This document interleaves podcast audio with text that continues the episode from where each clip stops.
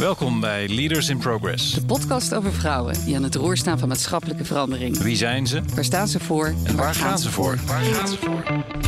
Ik ben Nadine Klokken, CEO van KNAP, de online bank die de financiële wereld van binnenuit vernieuwt. En ik ben Dave Jongenelen, medeoprichter van BuzzWomen. Dagelijks stellen wij vrouwen over de hele wereld in staat vooruitgang vorm te geven. Waarom deze podcast?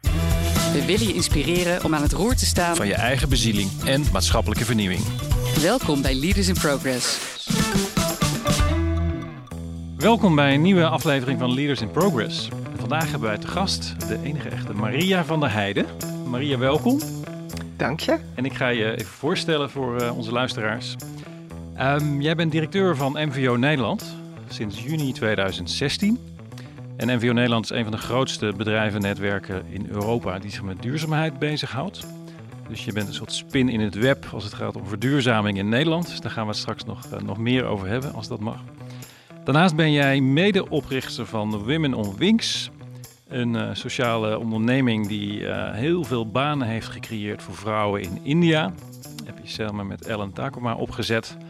En ook jarenlang kantoor gehouden in hetzelfde gebouw als waar we nu zitten. De Bosschuur in Austerlitz, de plek van Better Meetings. Um, daarnaast heb jij vele rollen vervuld in de afgelopen tientallen jaren. In allerlei organisaties, nationaal, internationaal. Maar steeds met een maatschappelijke insteek. Jij woont met Jan deels in Utrecht en deels in Dinteloord. Dinteloord City, zoals jij aangaf. en daar ben je opgegroeid ook op een boerderij. Dus ook deels boerin, zullen we zeggen, qua achtergrond. En um, jouw levensmotto, heb ik gelezen, is... stel je doelen groot, dan mis je ze niet.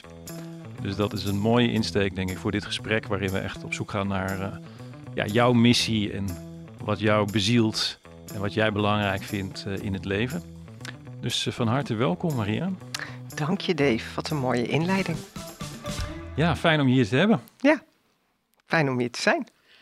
Goed, wij starten vaak met uh, eigenlijk een terugblik. Een terugblik op waar je vandaan komt, waar je opgegroeid bent. En daar wil ik ook graag mee starten. Dus kun je ons eens meenemen naar jouw jeugd? Uh, ja, dat kan. Ja, Dave die zei net dat ik uh, opgegroeid ben en in, in Dinteloord. Dat is niet zo. mijn ouders komen daar oorspronkelijk vandaan. mijn vader uit Dinteloord en mijn moeder uit Steenbergen, wat vlak bij elkaar ligt. Mijn moeder op een, geboren op een melkveehoudersbedrijf en mijn vader op een akkerbouwbedrijf. En toen zij getrouwd zijn, zijn ze een soort van geëmigreerd naar Noordoost-Groningen. Nieuwolda. Wow. Zo. Nieuwolda City.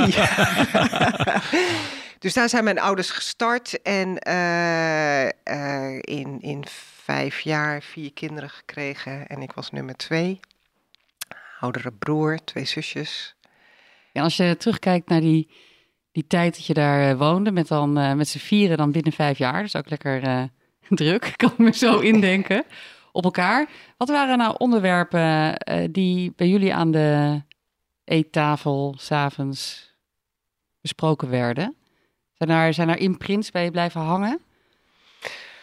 Uh, nou, er werd altijd heel veel gepraat aan de eettafel, maar dat was echt wel een beetje zo de dagelijkse dingetjes. Hoe het op school was, hoe het met de familie is, uh, uh, wat voor weer het vooral ook is. En dat is voor een boer heel belangrijk. Ja, ja, ja. en hoe dat dan de hele dag is gegaan. dus er werd, ik, ik zeg wel eens van bij ons werd er veel gepraat, maar niet over moeilijke dingen dat was wel echt iets waar, dat, ja, daar praatte je niet over of zo. Of, en, en ik ben zelf ook best wel een extrovert type, dus ik praat graag. Maar ik heb wel echt moeten leren om ook over de meer moeilijke dingen te praten. Dat zat niet bij ons in de familie. Was vooral doe maar gezellig en uh, uh, nou, hè, uh, we hebben het goed met elkaar. En hoe zat het dan dat je dat daaruit weg wilde vluchten? Hoe ging dat? Nou, ik vond, ik vond het gewoon veel te klein op het erf. Dat weet ik dus nog wel heel goed. Dat wij dus, uh, om een voorbeeld te noemen, dan kwamen ze uh, in de zomer natuurlijk oogsten. En dan kwamen de andere mensen op het erf. Met een kombijn of met persen. En dat vond ik mega interessant. Dan ging ik het land op, zeg maar, omdat er andere mensen waren. op, ik ging dolgraag naar school om gewoon in contact te zijn. Ik, ik had mijn uh, onderwijs van de lagere school was gewoon mijn rolmodel. Uh, ik wilde op de lagere school juffrouw worden. Op de middelbare school ben ik op toneelles gegaan. Toen wilde ik naar de toneelacademie. Ik was bezig met nou ja, hè, mijn eigen weg te vinden in, in de wereld buiten de boerderij. Laat ik het zo zeggen. En toen ik 18 was, ben ik op kamers gegaan en nou, heerlijk. Ja, je bent uitgevlogen. Waar, ben, je, waar ben je heen gegaan toen? Eh, naar Wageningen, ja. ja. Dus ik, uh, ik heb... Toch iets met landbouw? nou, ja, dat, dat is wel... Ik had dus heel weinig rolmodellen. Uh, dus ik had ehm, een nichtje, die deed sociaal-economische voorlichting. En voorlichting ben een keer met haar in de, in de, in de kerstvakantie een dagje meegegaan. Dus die sprak allerlei mensen en uh, die was bij bijeenkomsten. Toen dacht ik, nou, dat is misschien wel wat. Zo ging het echt, hè? Ik had gewoon echt geen idee wat ik überhaupt wilde doen. En uh, via haar uh, had ze, nou, zei ze van ja, dan is Wageningen een goede stap. Dus naar Wageningen. Ja, dat is, ik denk ook, dat kun je nu niet meer voorstellen. Dat je gewoon niet ergens wat meer gaat oriënteren of naar open dagen gaat. Ja, dat was gewoon niet. Tenminste, ja, mijn ouders die hadden al helemaal niks met studie, studeren of die gingen op hun veertiende werken. Dus ik was sowieso het eerste meisje in de familie die überhaupt ging studeren. En ja, dat, dat, uh, uh, voor mij was dat echt een verademing. Ik weet en, en wat vonden zij ervan? Mijn moeder vond het doodeng. Die was heel bezorgd. Die was altijd al veel te bezorgd.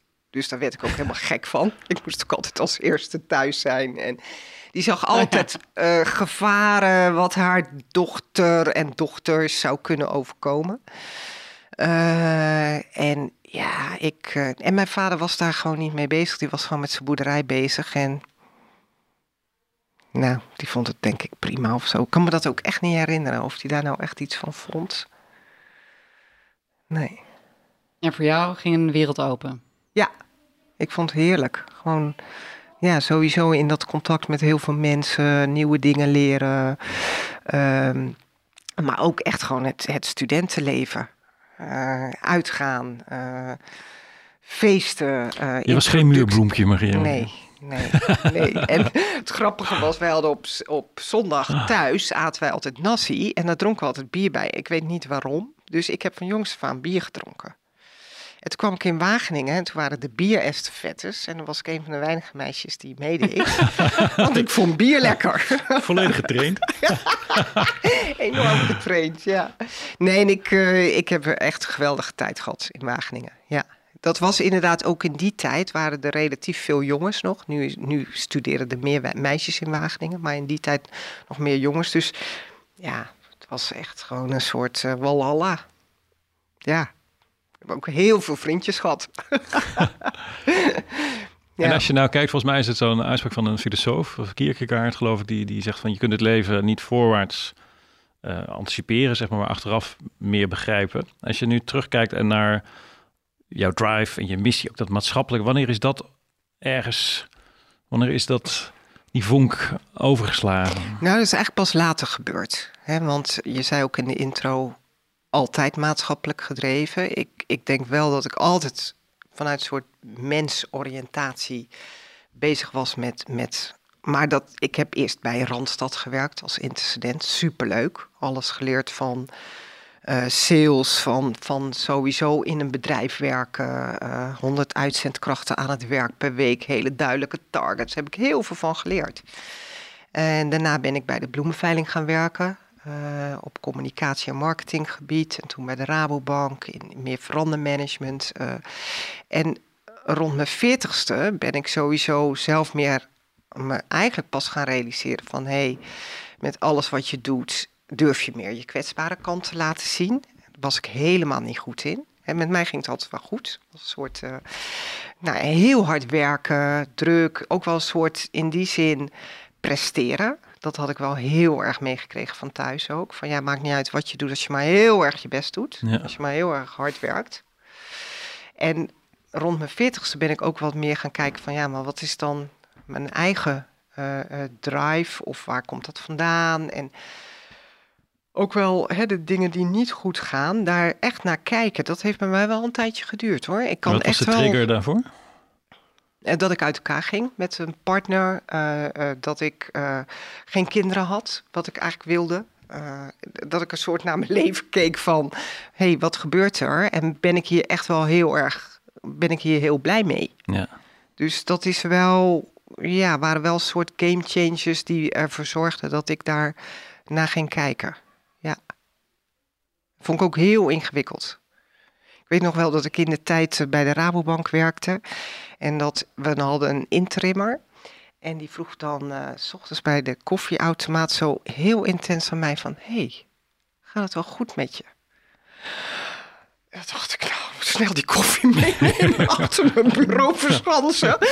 en zorg dat ik het weer heel druk heb. Ja, dus daar liep ik echt voor weg.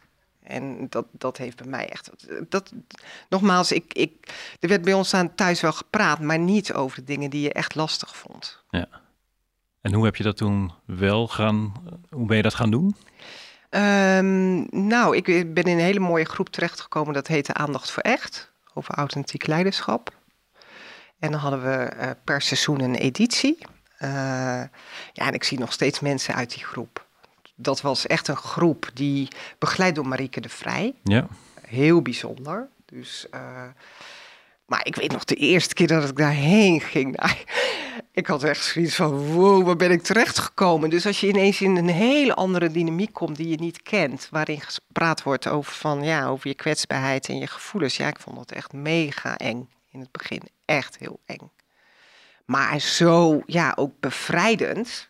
Eh, en nogmaals, ja, die kwetsbare kant bijvoorbeeld, die liet ik nooit zien. Met mij ging het goed. Hè, dat was ook wel een beetje eh, wat ik geleerd had.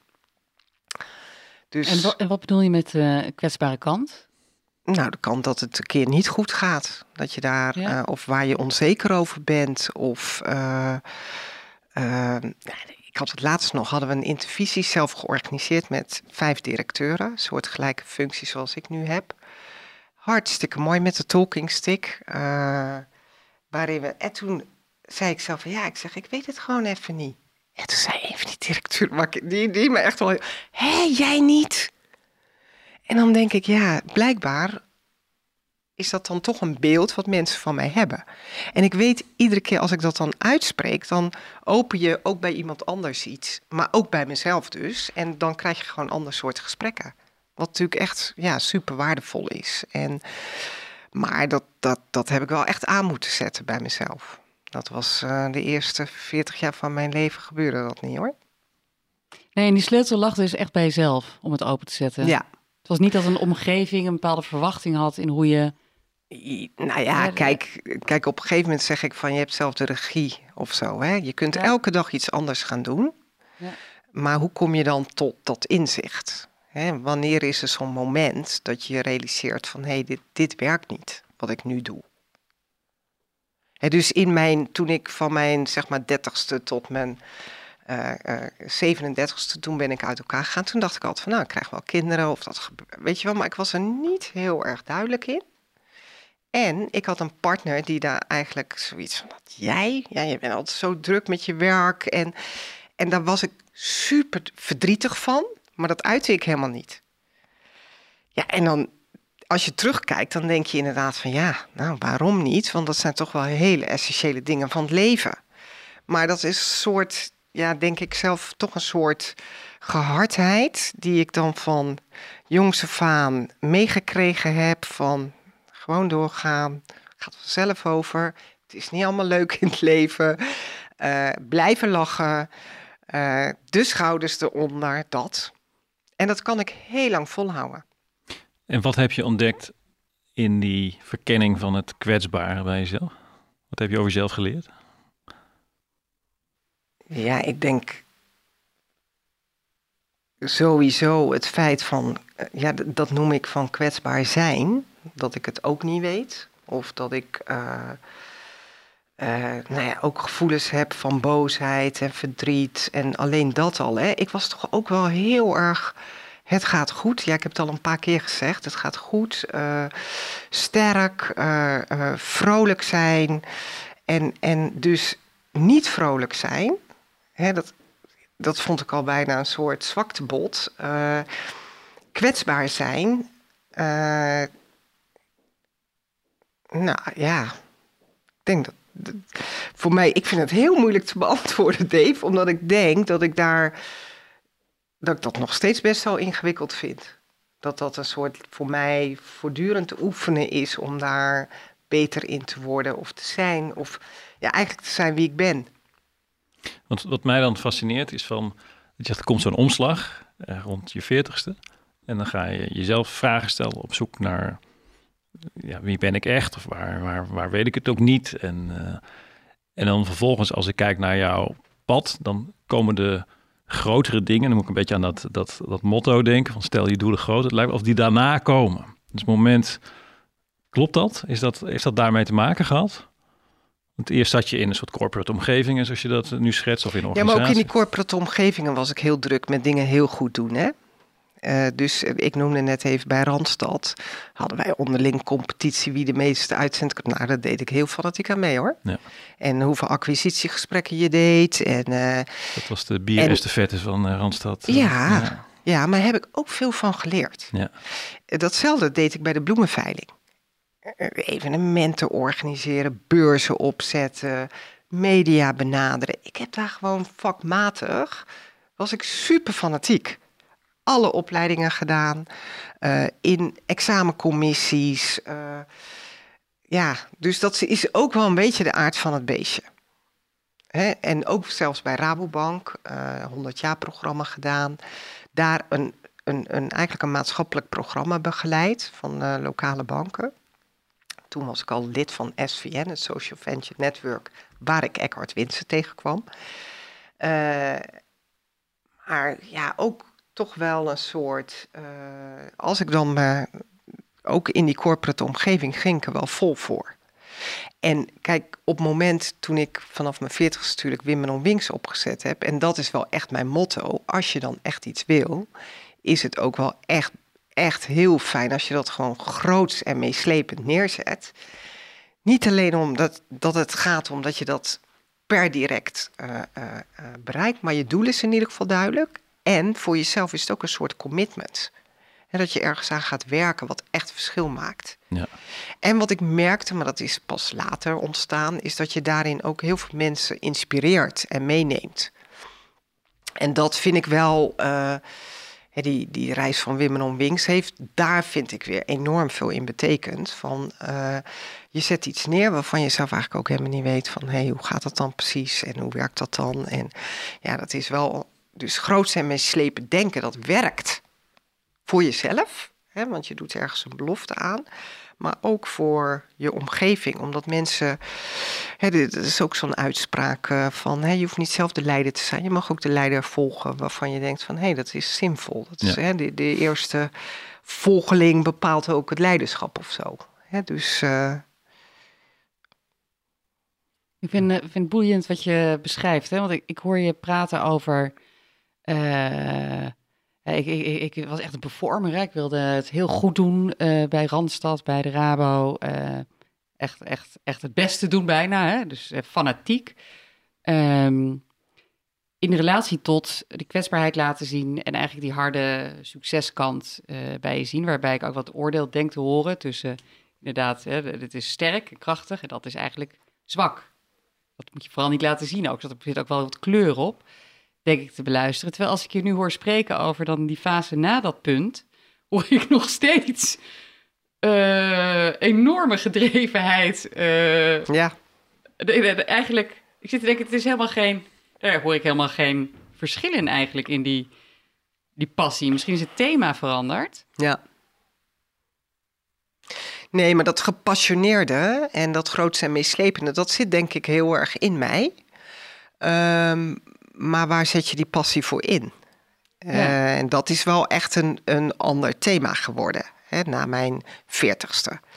En uh, dat begon eigenlijk met, uh, op een gegeven moment ben ik uit het systeem van de Rabobank gestapt, doordat ik vond dat dat systeem zo dominant was dat ik daar minder tot mijn recht kwam. En ja, dat was iets heel banaals met dat er, hè, dat hele internetgebeuren was natuurlijk in opkomst. Dus andere mensen gingen bepalen bij welke vergadering je allemaal moest zijn. En ik, ik liep echt van de ene stuurgroep naar de andere. En, en ik had er echt zelf gewoon op een gegeven moment een pesthekel aan. En toen dacht ik van nou, als ik nou voor mezelf begin, dan heb ik in ieder geval mijn eigen agenda. En vervolgens ben ik heel veel projecten gaan doen voor de Rabobank.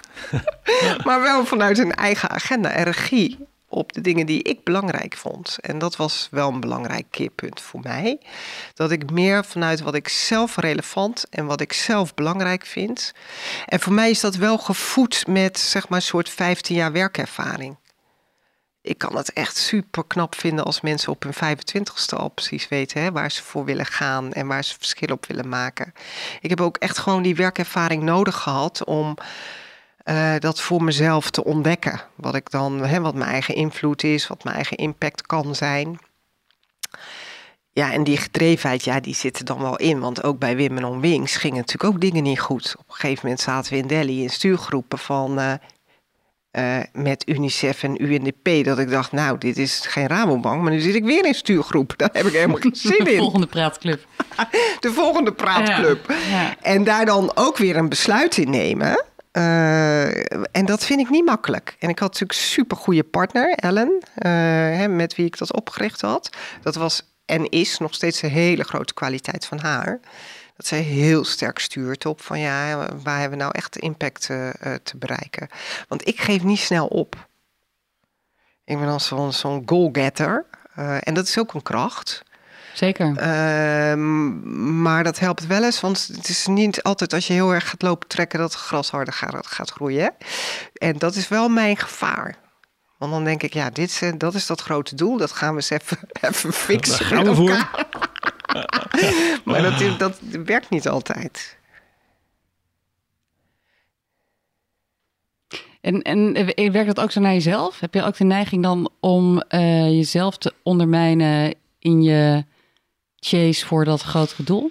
Mijn grote geluk is dat, uh, serieus, ik heb geluk dat ik ook nooit een burn-out heb gehad of overspannen ben geweest. Maar ik denk wel dat het komt omdat op een gegeven moment dan zak ik door mijn hoeven, zeg ik dan. He, dan, dan. Dan voel ik gewoon dat het niet meer klopt. En dan word ik heel emotioneel en dan zit mijn gevoel helemaal... Ik kan ook in vergaderingen, ik kan ineens gaan huilen. Waarvan mensen altijd denken, huh? En dan, dat zit bij mij op een of andere manier ja, ben ik altijd heel blij mee dat ik een soort evenwicht... Ja, warning of zo. Ja. Dan klopt het gewoon niet meer. Dat, dat hè, wat ik net noemde, dat voorbeeld bij die koffieautomaat, dat ik dan denk, ah, oh, eng. Dan voel ik dat dus. Dat er iets niet helemaal lekker gaat. En nou, dat is, ja, dat is denk ik altijd voor mij altijd wel heel fijn geweest. Dat ik daar makkelijk bij kan, bij dat gevoel. Ik vind het ook wel bijzonder eigenlijk om te horen. Want er is best een, uh, denk ik, heel veel terughoudendheid om tranen te laten rollen. Zeker in uh, ja. professionele omgevingen. Ja. Uh, dus dat jij dat zo volmondig uitspreekt, vind ik wel heel gaaf eigenlijk. Ja, maar dat is echt zo. Ja. Ja. ja. Nee, dat mijn MT wel eens zegt, oh, dat gaat ze nee, maar niet, niet echt, maar wel echt serieus. Dat, dat, dat ik zelf, maar dat kan ik dan ook echt, weet je, als dingen me echt raken. Dan, dan uh, of, of ik zit ergens heel erg mee en het bij mij komt heel vaak onverwachts, maar dan zit het inderdaad, dan komt het er wel uit. Ja, ja en ik vind dat zelf wel fijn. Ja, omdat ik denk dat met als je zelf best wel fanatiek bent, dat dat helpt om af en toe gewoon echt even normaal te doen. Zoals ik dat dan. Want ja, nogmaals, dat, dat, die, die passie die is natuurlijk ook eindeloos. Zeker als je kijkt naar. Nou, met Wim Winks was het al zo, maar ook met MVO Nederland. Ik vind dat ook best wel zorgelijk, hè? Jongeren die, die zo begaan zijn. En dan, ja, man, in het systeem nu. Ook in Nederland, het schiet natuurlijk niet op. En wat bedoel je dan? Nou, dan bedoel ik dat we uh, de urgentie heel groot is ten aanzien van klimaat. Uh, maar dat we gewoon niet goede stappen zetten met elkaar. En als je daar echt oprecht heel veel zorgen over hebt, en, uh, uh, dan kan je daar heel erg somber van worden. Tot en met depressief toe. Nou ja, dat, dat vind ik wel echt zelf. Dat heb ik zelf niet. maar ik vind dat wel echt een, een zorgelijk iets. En zie je dat om, om je heen? Dat juist de mensen die daar het meest aan willen doen, misschien wel het meest somber worden ook van, omdat ze de uitdaging en de urgentie zien? Uh, ja en nee. Dus er zijn, daarom hebben wij nu dat thema Ode aan het ongemak. Uh, bij MVO Nederland uh, agenderen we dat nu heel erg. Omdat toch wel, we zitten in een hele gekke wereld nu. Hè? Dus, dus we, we merken aan van alles dat het niet klopt. En we gaan door in het oude systeem. Want dat is zo dominant. Uh, met zoveel belangen. En dat, dat wringt heel erg. En uh, ik denk dan van, dan kan je het maar beter op tafel leggen. Uh, dus tot en met vliegschaamte. Dan denk ik, ja, er zijn ook mensen met een kleinere portemonnee. Daar kan je niet van verwachten dat ze een afweging maken van ga ik vliegen voor 50 euro of neem ik die trein van 300 euro. Of gewoon in het winkelschap uh, uh, koop ik de, de, kip van 1 euro of die van twee keer zo duur. Weet je, dat soort afwegingen kan je gewoon niet vragen van mensen elke dag. En dus heb ik zelf, vind ik het ongelooflijk belangrijk dat bedrijven verantwoordelijkheid nemen daarin. Tot en met de supermarkten toe. als onlangs de CEO van Albert Heijn weer zegt van ja, de consumenten kiezen. Daar gaan wij niet over. Dan denk ik dat is gewoon niet waar. Uh, daar ga je wel over. Heeft ook nooit iemand aan jou gevraagd om het winkelwagentje uit te vinden. Heb je zelf uitgevonden. En je kunt enorm mensen, je hebt een enorme invloed op mensen. En dat hebben dus heel veel bedrijven. En daar zit wel heel erg uh, mijn passie ook in het werk nu. Dat ik denk van ja, kom op, het gaat echt om leiderschap. En er zijn zoveel mensen met zoveel invloed die dat echt nog niet voor 10% inzetten. En dan doen ze wel een beetje, maar dat is niet genoeg. En dat dilemma op dit moment, en ik vind ook wel echt gewoon mensen die daar last van hebben, vind ik echt wel zorgelijk. En uh, dus het is, hè, dat ode aan het ongemak is echt wel bedoeld om, nou niet alleen met de luchtigheid, maar vooral om het vooral op tafel te leggen van hé, hey, ook ik heb hem zelf ook benoemd. Hè. We hebben filmpjes gemaakt met collega's. Wat is je eigen ongemak? Nou, een collega die heeft een partner die is piloot. Nou, dus zij zegt echt, durft ze pas nu na een jaar te zeggen bij MVO Nederland. Ja, ja dat is natuurlijk. Tuurlijk mag jij een partner hebben die piloot is of zo. Hè? Of, en, en ook met vlees eten of vliegen. Voor mijzelf, uh, heel veel collega's van mij zijn bezig met biodiversiteit en natuurlijk kapitaal en die hele landbouw die anders moet. Ik kom uit een familie waar grootschalig geproduceerd wordt. En ik woon op een boerderij waar dat nog gebeurt. Dus we hadden laatst een management sessie bij mij thuis. En toen vanzelfsprekend zei een van mijn collega's... Goh Maria, is dat niet heel erg monocultuur hier? goed bij ja. En dan zeg ik, ja, dat klopt. Ja. ja en dan kan je zeggen, ja, ik, ik ben hier niet de boerin... maar dat zijn wel dilemma's waar we ook echt allemaal mee te maken hebben. Ja, ja het systeem waar we in zitten. En, ja. en, en, hoe, en hoe geef jij er dan vanuit jouw persoonlijk leiderschap ja, die impuls aan? Nou, ik vind dus heel belangrijk nu om dat ongemak te benoemen. Om mensen heel erg aan te spreken op leiderschap. En heel erg ook wel, uh, ja, zeg maar, te, te motiveren om dat leiderschap echt te benutten. Dus ik vind dat in, in agendering heel belangrijk voor, voor mijzelf. Ik zie zelf ook mijn rol. Ik heb heel veel invloed. Ja, het klinkt misschien gek om dat zelf te zeggen, maar het is gewoon zo. Als ik uh, uh, mensen aanspreek of dingen zeg, of als ze me uitnodigen om in een panel te zitten, van, dat is natuurlijk altijd een moment dat je gewoon iets kunt zeggen over wat je ervan vindt. Ja, dat vind ik echt super belangrijk. Maar er zijn heel veel mensen met zo'n invloedrijke rol. Dus die kunnen dat allemaal doen. En ja, dat noem ik de vierkante kilometer in Den Haag. Die elkaar daar heel erg in vasthoudt ook. En dat dus ja, niet of veel te weinig doet in de zin van. En daarom is het zo belangrijk van dat die mensen aangesproken worden ja, misschien wel als moeder van of als vader van. Uh, uh, dus uit die context gehaald worden. Om te kijken van hé, hey, hoe kun je nou jouw invloed uh, uitoefenen? Is dat het ook echt persoonlijker wordt? En dat het ongemak, ik denk het ongemak, als je dat bespreekbaar maakt, geeft ook meer ruimte, denk ik, of niet? Ja, Nou ja, en, en ik zie echt wel, weet je, dan zeggen mensen tegen mij: Maria, ik ben het helemaal met je eens. Maar ja, in mijn rol. Ja. En dat zeggen best veel mensen. En dat vind ik niet oké. Want dan denk ik, hè, je hebt de persoon en de persona. En dan kan je zeggen, oké, als persoon ben je het eens. Maar als persona, in die rol als commissaris of als bestuurder of als ambtenaar. Of, daar kun jij verschil maken. En dat is gewoon echt super belangrijk. En nogmaals, ik, ik zie heel erg de waarde van sociaal ondernemers en koplopers. En, en hè, die mensen in het bestaande systeem, die uh, en dat is niet altijd uh, heel bewust hè, dat ze dat tegenhouden, maar het is ook wel. Dus een beetje rammelen echt, hè, dat vind ik wel een belangrijke rol uh, voor mezelf. En, en ook wel in, in, zeg maar voor MVO Nederland. Van hé, hey, hoe, hoe gaan we dat nou doen? En, en heb je een voorbeeld waar je, waar je trots op bent, waar dit dan lukte, waar je echt iemand hebt kunnen.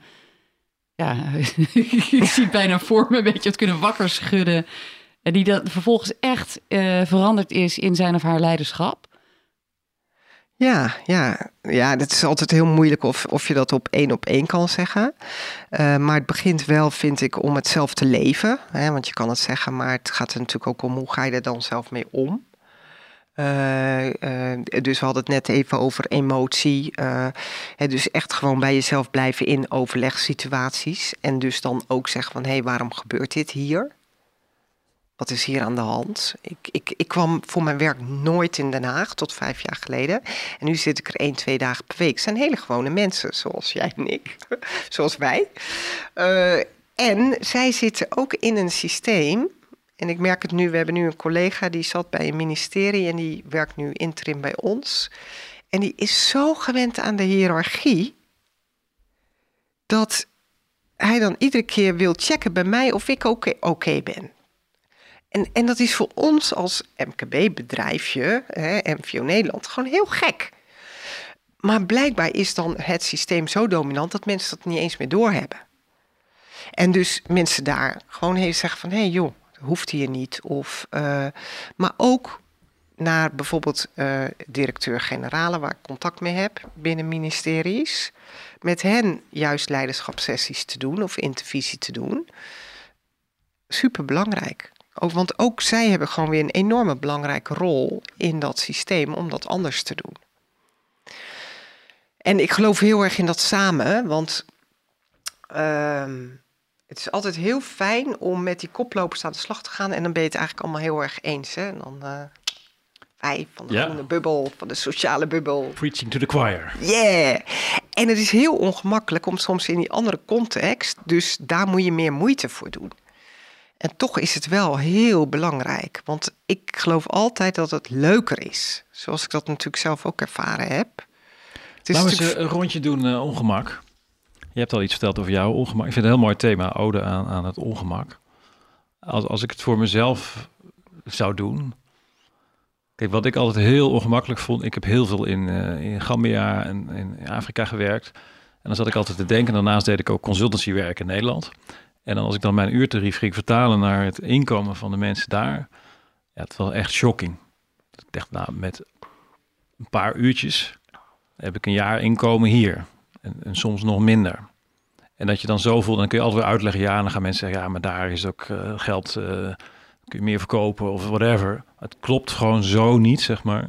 En nu nog steeds, nu zijn wij ook bezig met al die vrouwen en ja, als ik dan de omstandigheden zie en tegelijkertijd woon ik in Driebergen in een uh, veel te mooi huis en met een glimmende elektrische auto. En, dus dat voelt ook altijd ja, ongemakkelijk.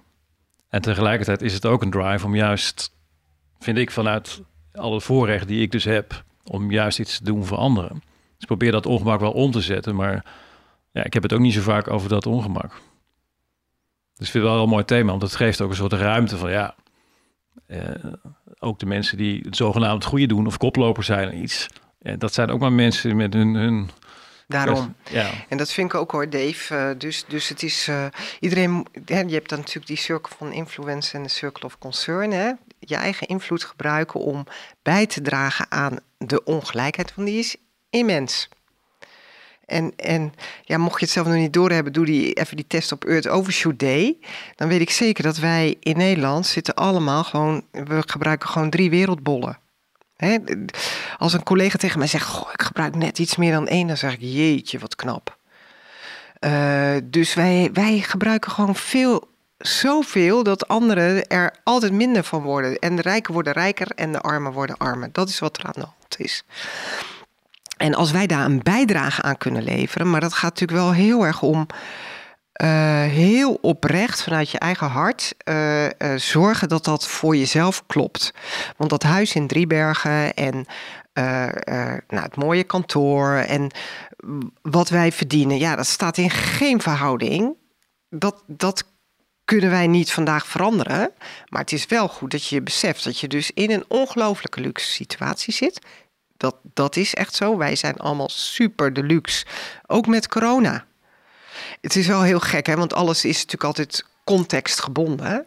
Hè? Dus, dus je kan je hier ook heel erg miserabel voelen, ook al heb jij luxe. Terwijl je denkt, ja, piramide van Mos Maslow, als je je eten nog niet op orde hebt, dan gaat het je daarom. Maar ik vind wel, wij zitten, wij hier in deze kamer zitten allemaal bovenin die piramide van Maslow. En wat kunnen we doen om daar aan die ongelijkheid een bijdrage te leveren? En dat kan zijn door Waar nou. ligt dan de sleutel, Maria? Van wat, als, als ze jou in Den Haag bellen en uh, Maria wordt de minister van, uh, laten we zeggen, Economische Zaken en Innovatie. En wat, wat is het eerste wat je gaat doen? Nou, ik vind dat wij dus die ongelijkheid aan moeten pakken in Nederland. We hebben in Nederland 1 miljoen mensen die uh, gewoon generatiearmoede. Mensen die gewoon echt niet vooruitkomen. Uh, en wij houden dat op een of andere manier in stand door. Uh, nou ja, met onze hele, eigenlijk de hele inrichting van het land, het hele systeem. Nou, kijk wat er met uh, het dossier van de kindertoeslag gebeurd is. Dus we zijn heel slecht om door het systeem heen te kijken wat er echt nodig is. En natuurlijk zijn er mensen die dat wel doen. Maar de overheid vind ik, en nu ook weer dat we geen nieuw, nieuw kabinet kunnen vormen. En dat komt echt omdat er een soort machtsdenken is. Zo ervaar ik het in ieder geval. Dat mensen niet over, daar overheen kunnen stappen. En ze kunnen zeggen, hey, het doel is de baas. Hebben hier gewoon wel wat beters te doen. Uh, dus, maar ik zou, ik zou denk ik een hele slechte minister zijn. Ik zou er gewoon echt niet tegen kunnen. Uh, om zeg maar in die, in die context van dit moment, om daar de goede dingen te doen. Dan zou je echt wel een heel ander kabinet moeten hebben. Want je hebt elkaar natuurlijk keihard nodig om dat voor elkaar te krijgen. Maar kun je er gradueel uitkomen? Of vereist het echt een, uh, nog een, een veel hardere crisis om het systeem echt te hervormen? Nou, inmiddels denk ik van wel, ja. Dus, dus ik ben eigenlijk altijd heel optimistisch. Uh, maar ik denk dat we een soort radicale. En het is eigenlijk heel erg als je dat zegt. Want ja, ja ook nu, corona. Uh, dan denk je van nou, hè, dan gaan we eens even goede green recovery doen. Ja, het gebeurt gewoon niet. We gaan gewoon weer door. Dus dat is eigenlijk best wel gekke gewaarwording. Dat. Uh, nou, vrij snel, ja, toch wel. Nee, ik, het is heel ingewikkeld hoe we hier doorheen gaan komen. En ik vind persoonlijk wel dat mijn invloed is om dit te agenderen, mensen aan te spreken op hun verantwoordelijkheid. Want er zijn ook een heleboel dingen die mensen wel kunnen doen. Uh, uh, en dan kijk ik bijvoorbeeld heel erg naar de doelgroep bestuurders en commissarissen in bedrijven. Gewoon superveel invloed op het systeem. En als je dan nog steeds denkt van hé, hey, die fossiele industrie. Hè, uh, ja, er zijn een, al een hè, de kleine keuken. Hè, naam ben ik weer Kirsten, ja. Kirsten. Gewoon weet je wel dat je zegt, hé, hey, ik stap uit Unilever, ik ga een ander soort bedrijf opzetten. Omdat het uiteindelijk gaat om voeding voor kinderen. Weet je zoiets essentieels. Nou, en een ander die zegt van, hé, hey, het gaat om wind en zon. We hebben er meer dan genoeg van. Hoezo? halen we uh, olie nog steeds uh, onder de grond vandaan en uh, zorgen we voor allerlei problemen wereldwijd. Terwijl we een heleboel dingen kunnen echt radicaal anders. Maar het vraagt een transitie.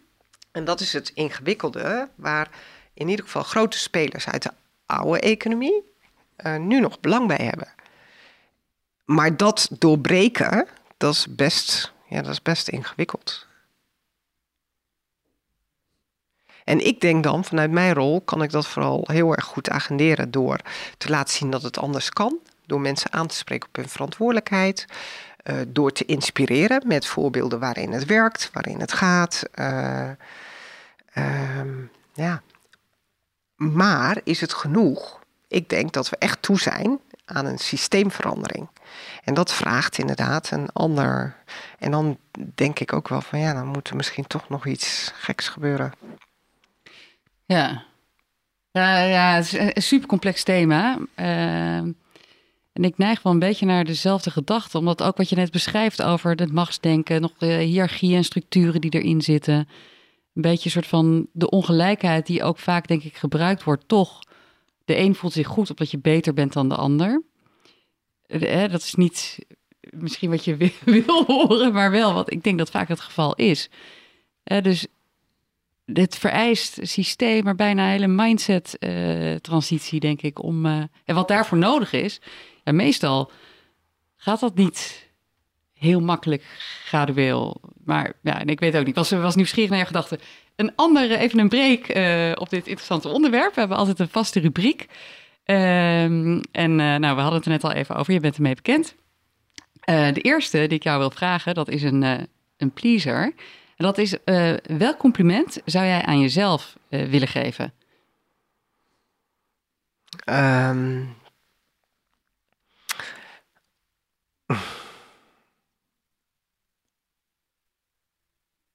Ja, de neiging, die, mijn eerste opwelling is dan inderdaad dat ik wel vasthoudend ben.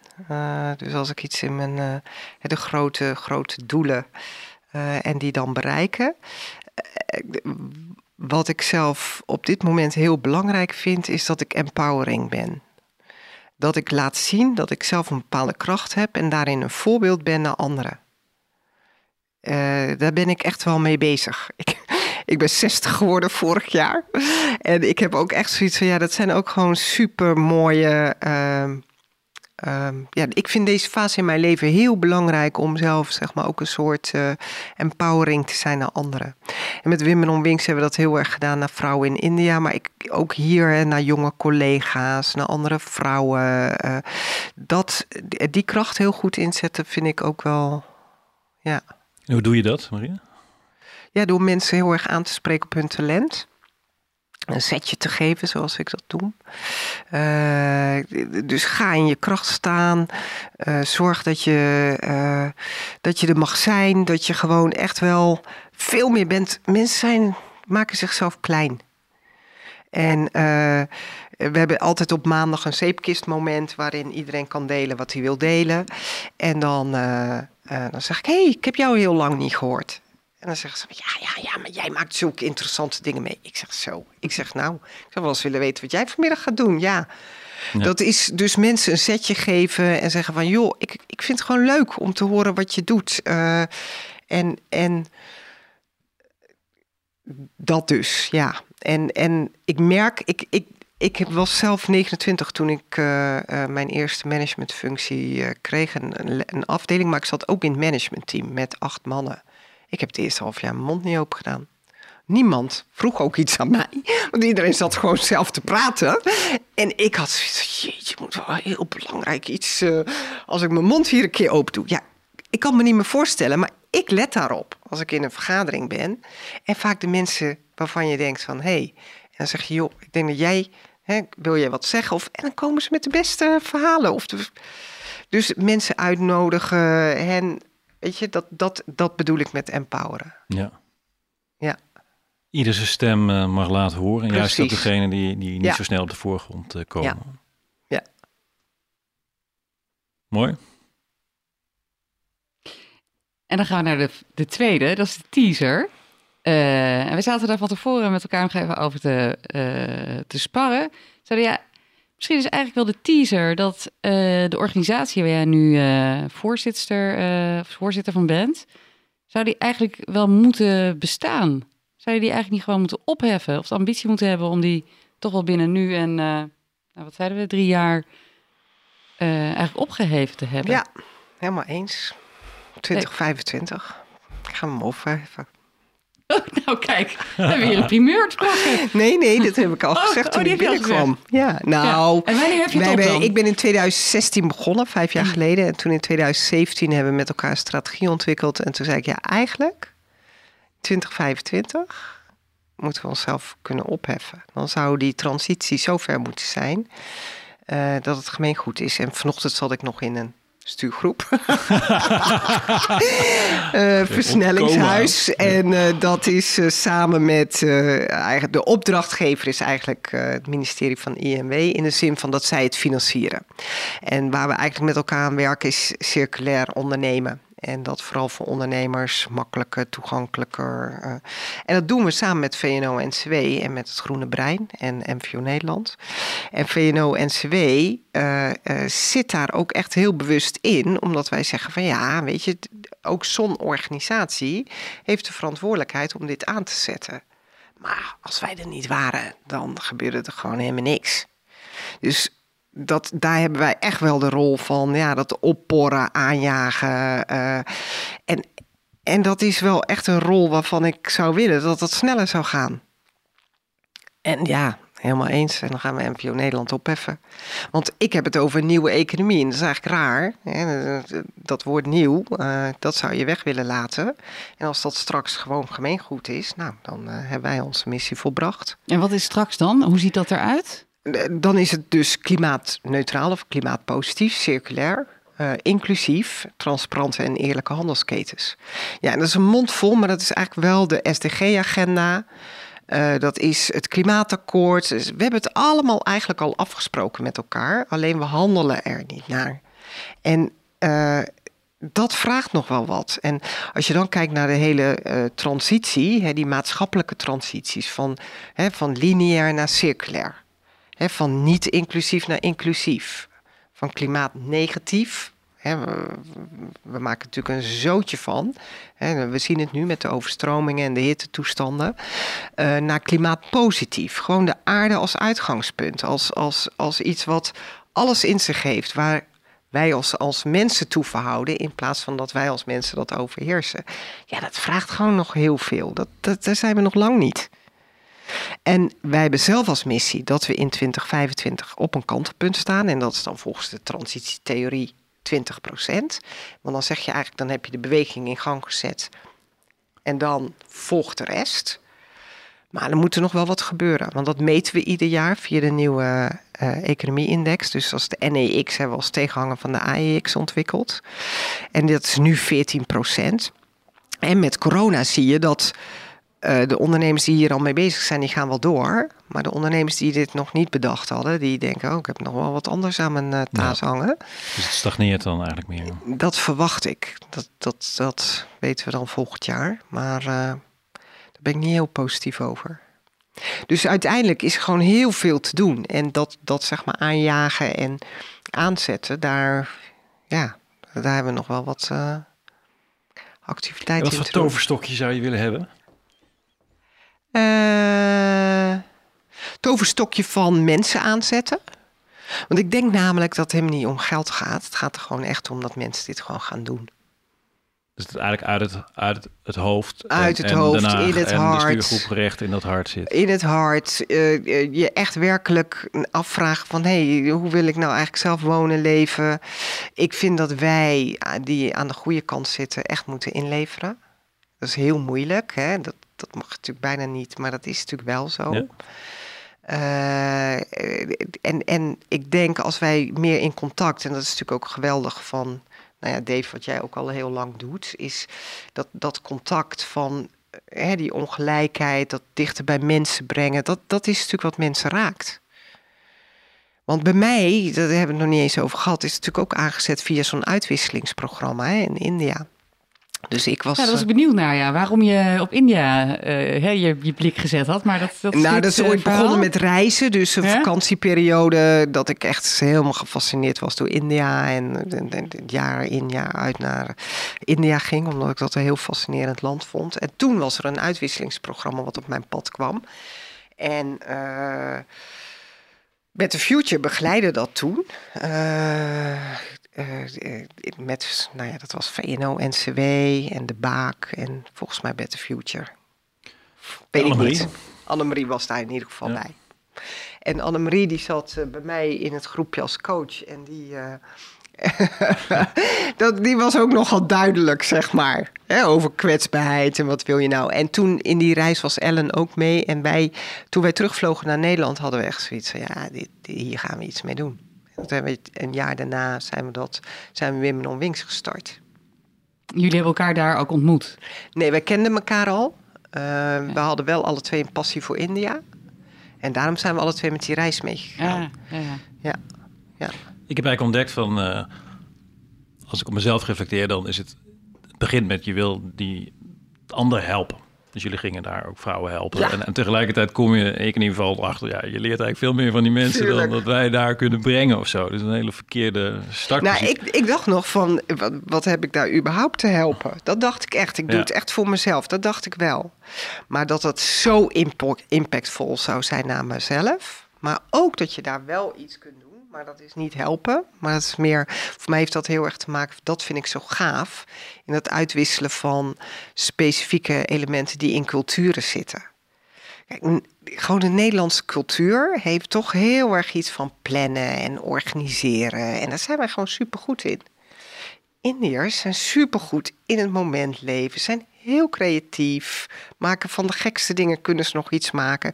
En als je dat meldt, dan krijg je gewoon hele gave eh, nieuwe businessmodellen en verdienmodellen. En ja, dan werkt het voor eh, eh, beide. En ja, nogmaals, die voldoening voor jezelf is natuurlijk enorm. Maar het heeft ook echt waarde. Dat, dat heb ik wel ervaren. Dat had ik niet verwacht. En wat heb jij van die vrouwen daar geleerd? Heel veel. Nederigheid. Ehm, in het moment zijn. Ehm, ja, hun levens. eh, maar ook de levenskracht. Hele krachtige vrouwen. Dat je echt denkt van wow. Ja. Ehm, ja, ik vind zoveel sterke, gave vrouwen ontmoet. Ik heb ook een Indiaanse zus. eh, die eh Durga, die heb ik ontmoet eh, ja, vrij in het begin van Women on Wings. Ja, dat is fantastisch. Zij is ook naar Nederland. Ze is ook in Nederland geweest. En ja, dat vind ik echt wel hele mooie... maar die vrouw, joh, die is op haar zesde uitgehuwelijkt. Op haar veertiende getrouwd, vijftiende dochter gekregen. En die heeft nu zelf een, een, een juwelierswinkel en haar dochter studeert voor arts. Weet je, dat je in één generatie... En dat vind ik altijd een beetje ook mijn levensverhaal. Hè? Mijn moeder, super lieve moeder. eh, altijd voor het gezin gezorgd, op haar veertiende gaan werken. En mij laten studeren. En in één generatie kun je dus iets heel anders gaan doen. En, en dat is wel, ook wel, vind ik, in eh, dat empowering stuk... wat ik nog benoemde als eh, pleaser...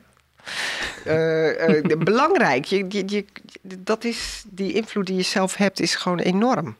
Maar dat is eigenlijk systeemverandering, toch? Ja. Dat in die generatiewisseling, dat er zoiets kan gebeuren. Ja, en dan als je het hebt over de systeemverandering en mijn toverstokje, dan zeg ik van laten we dan hè, de harten eh, raken van mensen, waardoor ze inderdaad zich toe verhouden tot alles wat mogelijk is. Dat heb ik ooit van Yunus geleerd. Hè. Die zei van Mohammed Yunus, Ja. ooit meegesproken. Die zei, we hebben een hele grote taart met allemaal uitdagingen. En als je maar een heel klein tiny slice pakt van die taart en je gaat daar verschil op maken... Ja, fantastisch. En pak dan dat stukje wat jou raakt. Ja, en Younes, die zei er nog iets heel moois. En wat mij ook heel erg triggerde. Everybody should be an entrepreneur. En dat, dat heeft, en misschien niet in de letterlijke zin van het ondernemer zijn, maar dat regisseur zijn over Ja. je eigen leven. En Ja. die keuzes durven maken en niet angstvallig naar dat systeem kijken. Dat is me heel erg van hem ook bijgebleven. Dat is ook wat, Ja. wat hij natuurlijk voor staat, wat hij allemaal heeft neergezet. En dan heb je misschien ook geen, eh, geen grote crisis nodig. Nee, want ik denk Hè, als dat... je, als je langs deze als doordenkt, is heel hoopvol. eh, dan is het wellicht niet nodig. Dan volgt namelijk de systeemaanpassing hieruit. Ehm, Maar is het klimaat zo geduldig? Of de aarde? Ja, als het de moeder aarde is, misschien wel. Nou, in de zin van, ik denk dat het urgenter is. Er is gewoon no way out. Zo voel ik dat zelf ook. En tegelijkertijd is mijn hoop wel gevestigd ook op van zoals de aarde ons voedt en ons leeft. En zoals jij op de boerderij bent opgegroeid van misschien heeft de aarde ook nog wel ergens compassie met ons als we dat echt willen doen. Dat voel ik ook met corona zelf. Van corona lijkt ook niet echt tot ons hart doorgedrongen, omdat het een soort van eerst wel, dan een soort shock, we werden geraakt. En vervolgens is het, ja, is er een way out? Ja, lijkt er te zijn. Laten we maar weer snel teruggaan naar het oude. Dus ja, dat echt het hart laten spreken en echt volledig omarmen dat het anders moet en kan. En ook op een hoopvolle manier. Ja, dat is waar, waar ik ook naar snak. Wat ik probeer te doen. Want anders kom je toch in een situatie dat je denkt, ja, dan zijn de systemen zo groot en taai. En dan, uh, dan krijg je bijna het gevoel, uh, moet ik er überhaupt aan beginnen? Ja, ja. We komen langzaam maar zeker uh, wat richting het einde van het interview. Dus ik wilde eigenlijk even toetsen bij je. Of we nou nog een, een onderwerp of een thema gemist hebben, of dat jij nog iets wil, wil delen hier.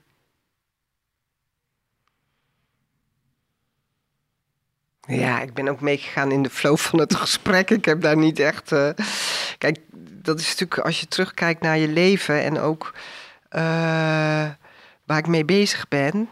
Ja, ik vind dat ook echt enorme eer hè, om zo'n rol uh, te vullen. En wat ik zelf ook wel heb, en daar voel ik een verantwoordelijkheid bij. Maar het is ook wel heel gaaf om hier middenin te zitten en daar je eigen ziel en zaligheid in te kunnen leggen. En ja, hè, te kunnen doen wat je doet. Dus ja, daar, daar, zou je van alles, ja, van ook nog tien andere thema's kunnen bespreken, denk ik. Maar volgens mij is het helemaal oké. het geeft in ieder geval betekenis aan jouw leven. Ja. Uh, dat, straalt er echt wel, dat straalt er echt wel van af.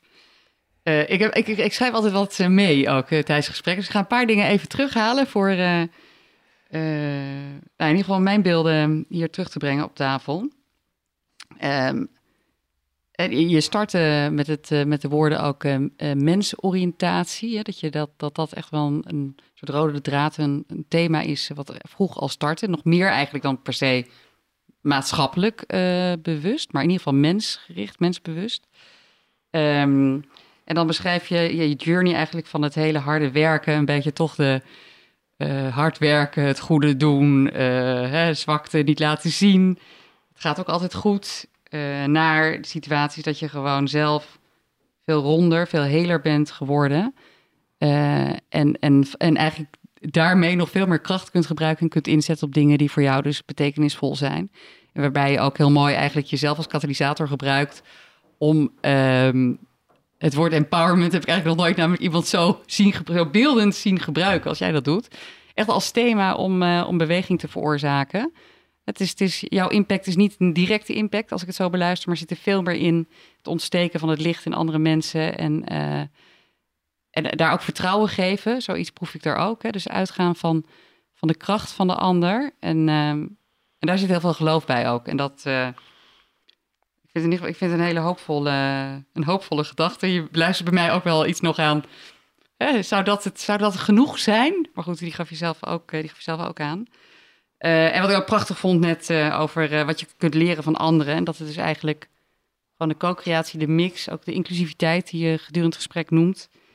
Um, dat daar zoveel uit kan ontstaan. Anders dan op de standaard assen van meer of weet ik veel, geld of, of allerlei dat soort dimensies. Dus uh, nou, voor mij, ik ga er ook weer verder over nadenken. Het agenderen van leiderschap. Wat, uh, wat kan ik daar ook weer zelf uh, verder mee doen? Ik wil je bedanken voor, jouw voor je fakkeltje licht, wat je ons ook weer hebt aangereikt. Um, we gaan je zo meteen een klein cadeautje geven, ook namens namens eh, Dave en uh, mijzelf. En Shari, die ons ook altijd helpt, die hier ook bij aan tafel zit.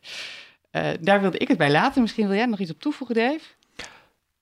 Ja, ik vind jou gewoon een heel mooi mens, Maria, in wie je bent. En dat je echt ergens voor staat. En je daar, wat ik er ook in hoor, dat je gewoon eigenlijk volledig jezelf aan het zijn worden bent. En je nog veel meer gaat uitspreken. En dat je daarmee zoveel anderen kunt, kunt raken.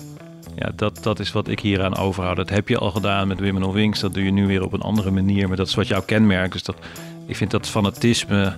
Als je fanatiek bent in het empoweren van anderen... Ja. ja hoe mooi kan het zijn? Weet je? Dus dat soort fanatisme is waar de wereld echt behoefte aan heeft. Dus uh, ik vond het zeer verrijkend. Ik vond het heel fijn om jou hier te hebben en weer te spreken. En uh, dank. En ik denk dat uh, heel veel mensen hier ja, mee aan de slag kunnen. Dankjewel. Dank je. Dankjewel voor het luisteren naar deze aflevering van Leaders in Progress. We hopen dat je ervan genoten hebt en er volgende keer weer bij bent wanneer we een nieuwe gast aan tafel hebben. Ben jij geïnspireerd en zou je ook willen werken aan vooruitgang? Dat kan. Ga nu naar www.leadersinprogress.nl en kom in actie. Of neem direct contact met ons op via de e-mail. Graag tot de volgende keer.